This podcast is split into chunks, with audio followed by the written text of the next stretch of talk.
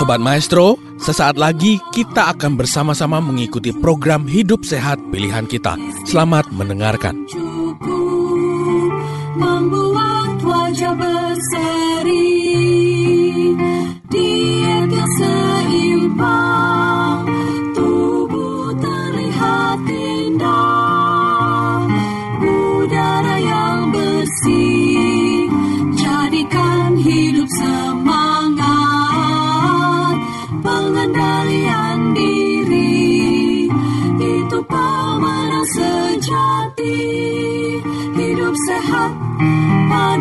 Tuhan hidup sehat sangat berharga.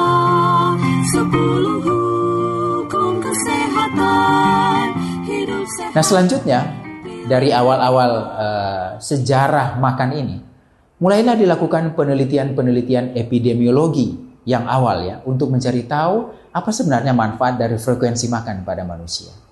Dari penelitian-penelitian ini kemudian muncul istilah yang disebut dengan Georging, yaitu mengurangi frekuensi makan menjadi satu atau dua kali saja per hari. Dan kemudian juga ada istilah-istilah yang disebut dengan istilah nibbling, yaitu konsumsi makan lebih sering tapi dengan porsi yang lebih kecil. Ya, eh, lebih banyak frekuensinya tetapi dengan porsi yang yang lebih kecil. Nibbling. Penelitian-penelitian awal ini menemukan bahwa Georging atau makan eh, mengurangi frekuensi makan satu atau dua kali aja itu ternyata akan meningkatkan risiko penyakit jantung. Ini penelitian-penelitian yang awal. Kemudian setelah itu penelitian-penelitian sesudahnya juga mengonfirmasi bahwa hal yang ini benar, masih tetap sama hasilnya. Bahwa makan justru empat atau lebih kali makan empat kali atau lebih per hari itu justru dapat menurunkan kadar kolesterol dan lain sebagainya. Bahkan tahun 1989 ada satu penelitian yang luar biasa di mana mereka menemukan bahwa very high frequency meals ya itu dikasih makan sampai 17 kali per hari. Tapi justru hasilnya menunjukkan dapat memperbaiki kadar kolesterol dan LDL dibanding dengan makan frekuensi yang lebih sedikit. Tapi tentu saja penelitian ini tidak bisa di tidak applicable, tidak bisa diimplementasikan karena sudah berada di luar kebiasaan dan mungkin juga kemampuan manusia normal. Bayangkan makan sampai 17 kali per hari. Penelitian-penelitian selanjutnya seperti dari uh, European Perspective Investigation into Cancer atau EPIC, kemudian uh, season seasonal variation of blood cholesterol study ya di Massachusetts juga memberi hasil yang sama ya bahwa makan yang lebih sering itu uh, lebih memberi manfaat kesehatan untuk seseorang dibandingkan dengan makan yang hanya dua satu dua atau tiga kali saja per hari. Ada juga beberapa penelitian besar lainnya setelah penelitian ini yang masih menyebutkan hal yang sama tetapi penelitian-penelitian ini tidak langsung membuat korelasi atau hubungan antara makan yang frekuensi makan dengan terjadinya penyakit, tetapi hanya menilai frekuensi makan dengan faktor risiko terjadinya penyakit seperti peningkatan kolesterol atau peningkatan berat badan.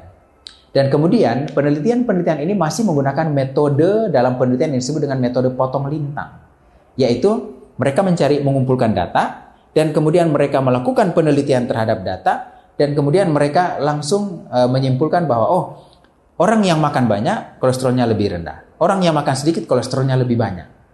Nah, kita tahu bahwa metode potong lintang seperti ini masih memiliki kekurangan, apalagi kalau mau menilai penyebab terjadinya sesuatu. Dan ternyata bahwa memang sebagian besar penelitian ini masih menggunakan metode potong lintang ini, sehingga kalau kita mau langsung menyimpulkan bahwa uh, ini menyebabkan ini, makan lebih banyak menyebabkan perbaikan kolesterol itu agak uh, sulit untuk diakui atau di, uh, divalidasi kebenaran dari pernyataan tersebut. Masih sulit untuk dicari, dicari tahu hubungannya. Sehingga tidak heran ketika Kahleova ya, ini penelitian yang cukup besar, penelitian dari Kahleova dan kawan-kawan mereka melakukan satu penelitian dengan menginvestigasi 50 ribu 50.660 orang anggota gereja Advent di Amerika dan Kanada mereka kemudian menemukan hasil bahwa dan hasil mereka yang mereka temukan adalah yang berbeda, yaitu makan satu atau dua kali per hari justru berhubungan dengan indeks massa tubuh yang lebih rendah dibandingkan dengan yang makan tiga kali per hari. Dan dari penelitian ini mereka melihat bahwa jenis makanan, dalam hal ini snack, turut berperan terhadap terjadinya peningkatan berat badan pada yang makan tiga kali sehari disertai dengan snack. Mereka menemukan juga bahwa berapa lama puasa pada malam hari juga berpengaruh. Semakin panjang puasa pada malam hari, artinya semakin panjang orang tidak makan di malam hari, maka berat badan itu akan terkontrol semakin baik. Penelitian dari Kaleva ini juga masih menggunakan sedikit metode potong lintang, tetapi mereka sudah mulai menilai hal-hal yang lebih spesifik. Bukan hanya frekuensi makan, tetapi apa yang dimakan, jumlah jamnya, dan lain sebagainya. Nah, berdasarkan penelitian ini maka mulai diambil kesimpulan bahwa manfaat sehat dari pengaturan jadwal makan merupakan kombinasi. Ya, jadi bukan hanya dari berapa kali makan satu hari, bukan hanya dari frekuensinya, tetapi merupakan kombinasi yang tepat antara waktu, frekuensi, dan jumlah atau eh, panjangnya puasa di malam hari. Tidak makan berapa lama di malam hari. Dan kemudian dikaitkan dengan hasil ini, waktu, frekuensi puasa malam hari, dikaitkan dengan teori-teori bahwa terjadilah perubahan proses hormonal, irama sirkadian, dan berkurangnya stres oksidatif. Irama sirkadian di sini maksudnya adalah pengaruh atau peran antara uh, siang dan malam, antara ada cahaya dan tidak ada cahaya. Nah, secara garis besar, hasil-hasil penelitian ini menunjukkan bahwa makan satu atau dua kali per hari jauh lebih baik dibandingkan dengan makan tiga kali atau lebih per hari.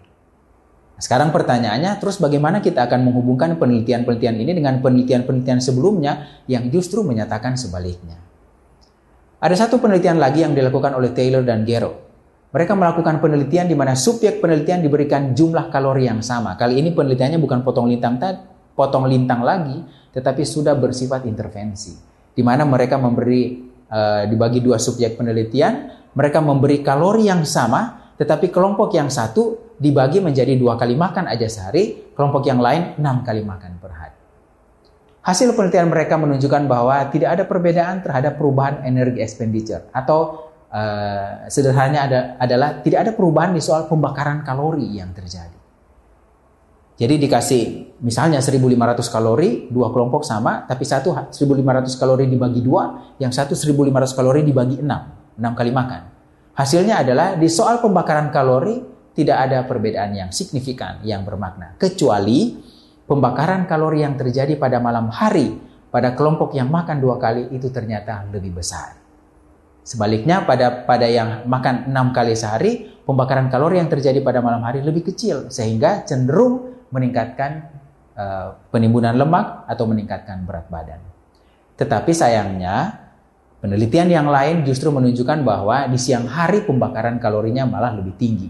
Ya, jadi ini ada kontroversi di dalam penelitian sehingga akhirnya penelitian ini belum bisa dijadikan uh, sebagai dasar atau belum konklusif istilah di dalam penelitian, belum bisa diambil sebagai patokan yang bisa diimplementasi atau applicable buat uh, menjadi rekomendasi secara publik.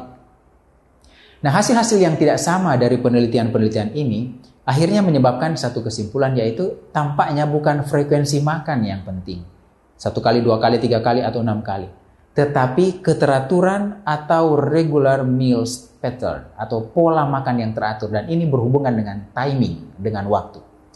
Seringkali orang yang makan tidak teratur justru terjadi pada orang-orang yang hanya makan satu atau dua kali sehari dan akhirnya menyebabkan terjadinya peningkatan berat badan, ya, meningkatkan hormon rasa lapar dan akhirnya menyebabkan gangguan metabolik dan meningkatkan risiko penyakit tidak menular. Makan hanya satu dua kali tetapi tidak teratur. Ini yang jadi masalah. Sementara itu, frekuensi makan satu atau dua kali tetapi dengan waktu yang reguler atau teratur, pagi jam 9, ini misalnya ya pagi jam 9, kemudian sore jam 4, atau uh, justru dapat menurunkan risiko peningkatan berat badan. Nah, dari penelitian-penelitian ini dapat disimpulkan bahwa frekuensi makan saja, frekuensi makan itu maksudnya satu kali makan, dua kali makan, tiga kali makan, atau lebih kali makan per hari, tidak akan menghasilkan outcome yang diharapkan. Nah, mengapa penelitian-penelitian tentang frekuensi makan yang kecil ini, satu atau dua atau tiga kali saja tidak menghasilkan sesuatu yang diharapkan? Karena frekuensi makan kecil ini kadang-kadang menyebabkan seseorang itu tidak sarapan pagi. Atau makan jumlah makanannya itu tidak selalu sama. Makan siang itu terlalu ringan, makan malam terlalu berat. Atau terlalu sedikit jumlah yang dimakan. Sehingga akhirnya semua hal ini menyebabkan kontrol metabolik yang kurang baik. Jadi akhirnya para ahli ini menemukan bahwa tampaknya bukan frekuensi tetapi timingnya ya yang menjadi prioritas di soal keteraturan makan ini. Sekali lagi timingnya waktu makan yang teratur dan ini sangat sesuai dengan apa yang disampaikan oleh Ellen G. White 150 tahun yang lalu. Di gambar ini kita bisa melihat bahwa uh, eating behavior ya atau kebiasaan-kebiasaan makan kita itu akan juga dipengaruhi oleh irama sirkadian, sirkadian rhythm siang dan malam. Dan ketika kita berbicara siang dan malam, kita akan berbicara masalah timing di dalamnya. Nah, ketika kedua hal ini mempengaruhi uh, satu organ di dalam otak kita, susunan saraf pusat, yang mengontrol soal lapar dan kenyang, mengontrol soal irama sirkadian, ya, mengontrol soal jam biologis yang ada di organ-organ perifer yang mengatur makan manusia, misalnya liver, saluran cerna dan lain sebagainya, maka hal itu ternyata memiliki peran yang sangat signifikan melalui berbagai mekanisme seperti yang ada di gambar ini. Apakah itu mekanisme secara uh, hormonal, pengaturan-pengaturan di dalam tubuh, dan lain sebagainya. Hal ini akan mempengaruhi bagaimana organ-organ perifer, bagaimana liver kemudian akan menghasilkan hormon, enzim, dan sebagainya, bagaimana lambung, bagaimana saluran cerna secara keseluruhan akan menghasilkan enzim-enzim dan lain sebagainya, itu sangat berpengaruh pada eating behavior maupun irama sirkadian. Siang dan malam. Sobat Maestro, Anda baru saja mendengarkan program Hidup Sehat Pilihan Kita. Terima kasih atas kebersamaan Anda. Istirahat yang cukup membuat wajah berseri. Diet yang seimbang, tubuh terlihat indah. Udara yang bersih, jadikan hidup semangat. Pengendalian sejati. Hidup sehat, anugerah Tuhan. Hidup sehat, sangat berharga. Sepuluh